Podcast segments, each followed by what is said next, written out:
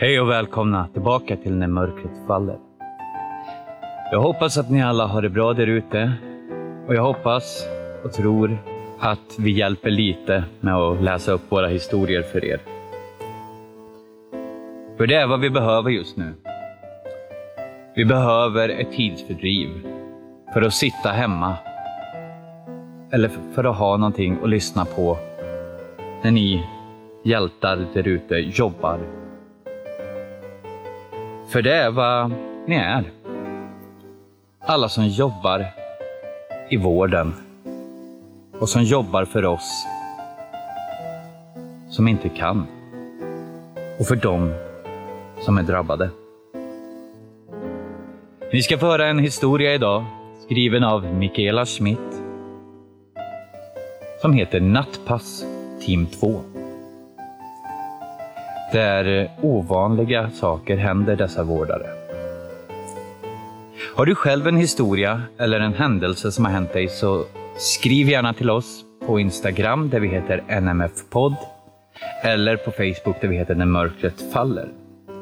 Lämna gärna en historia, för framöver så kommer det en lyssnarnas historier. Och vi behöver fler av dem, helt enkelt. Nog sagt om det. Dessutom så vill jag tacka Ellie som har skänkt en slant till podden för att den ska kunna fortsätta rulla vidare.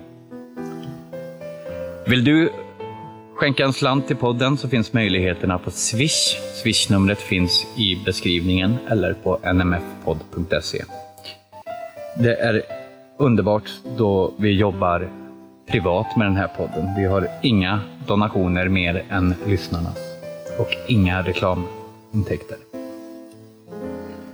Så med det så kör vi avsnittet. Nattpass, Team 2.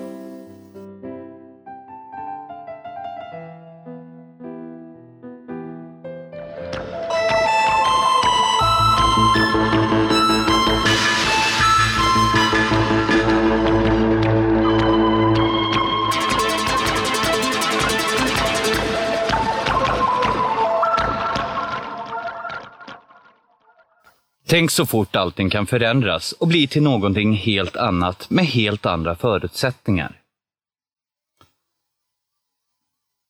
För inte alls så länge sedan så hamnade jag av en tillfällighet i sällskap med tre unga damer som alla jobbade natt i hemtjänsten. De tillhörde alla samma arbetslag, team 2, och ni vet kanske hur det är med nattjobb. Man är vaken när alla andra sover och sover när alla andra är vakna. Ibland har man bara en dag ledigt mellan passen och det är ingen idé att försöka ställa om dygnet. För de här tre tjejerna har det fått till följd att de umgås ganska mycket även utanför arbetstid. De har samma slags ordning på dygnet och de flesta andra runt omkring dem har inte det. När de är lediga blir det många sena kvällar och nätter och eftersom det råkar slumpa sig så att jag ganska väl känner en av dem och ändå råkade vara i trakterna så hamnade jag i deras sällskap en kväll. Det var en mörk sensommarkväll och vi satt runt ett bord på altanen och småpratade lågt med varandra för att inte väcka dem som sov inne i huset, eller grannarna för den delen. Det var alldeles stjärnklart, men vi hade faktiskt inga större problem med mygg trots att huset ligger nära vatten. Till en början pratade vi mest om allt möjligt och ingenting, men så småningom gled samtalet in på deras jobb och jag förstod att de hade det väldigt stressigt, underbemannade, eftersom de fick allt mer jobb och dåligt planerade scheman och körtider som inte alls stämde överens med verkligheten. Jag sa till chefen, sa Emma, att det är omöjligt att köra två mil på fem minuter, att det måste planeras bättre. Men han sa bara att jag fick göra mitt bästa. Jag och Victoria fick ingen körtid alls mellan ena änden av stan och den andra i förra veckan, höll Thea med. Och Victoria nickade. Det måste verkligen planeras bättre och vi behöver vara en till för att hinna med. Kan vi glömma, sa Victoria korthugget. Så där gick snacket runt bordet och jag kunde tydligt höra den frustration de delade över att inte kunna göra sitt jobb ordentligt. Att bli tvungna att köra för fort och kanske riskera böter. Att de tvingades slarva och hoppa över saker. De älskade sitt jobb och sina brukare och led av situationen. Men de älskade sitt jobb. Man skulle ju kunna tro att det är rätt lugnt att jobba natt. Att man bara sitter där på kontoret och väntar på något enstaka larm som kanske aldrig ens kommer. Så är det inte. Långt ifrån. När du och jag sover far det omkring som skollade troll och delar mediciner, tittar till människor, rycker ut på larm och så vidare. Ibland måste det åka två till en brukare och lämna den tredje ensam kvar på kontoret. Ibland måste det åka ensamma ut. Det är precis lika fullt upp som dagtid, men mycket mer ensamt eftersom världen sover och det skapar naturligtvis en viss stämning som i sin tur lätt slår över i mörkrädsla, fast de alla tre försöker låta bli att tänka på det.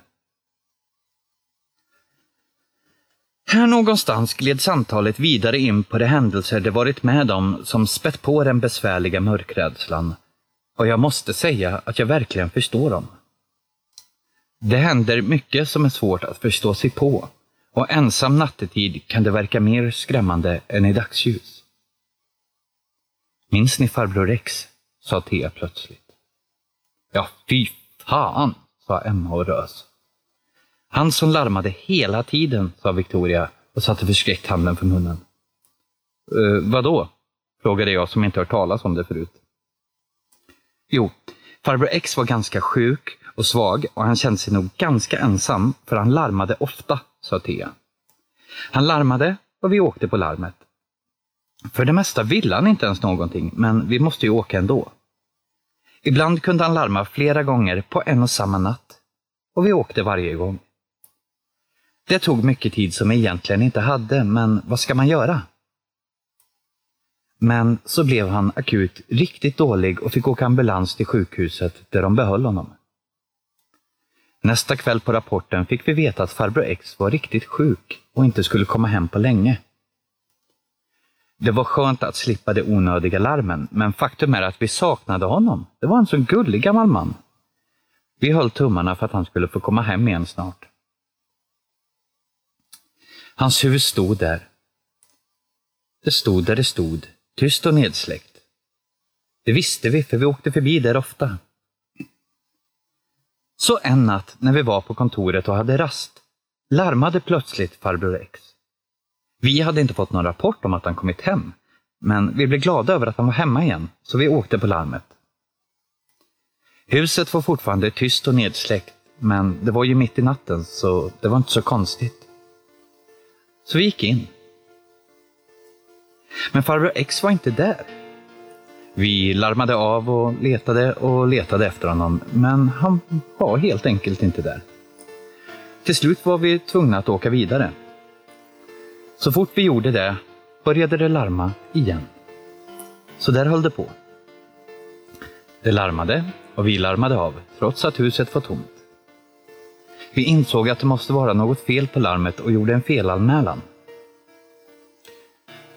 Vid rapporten kvällen därpå fick vi veta något riktigt läskigt.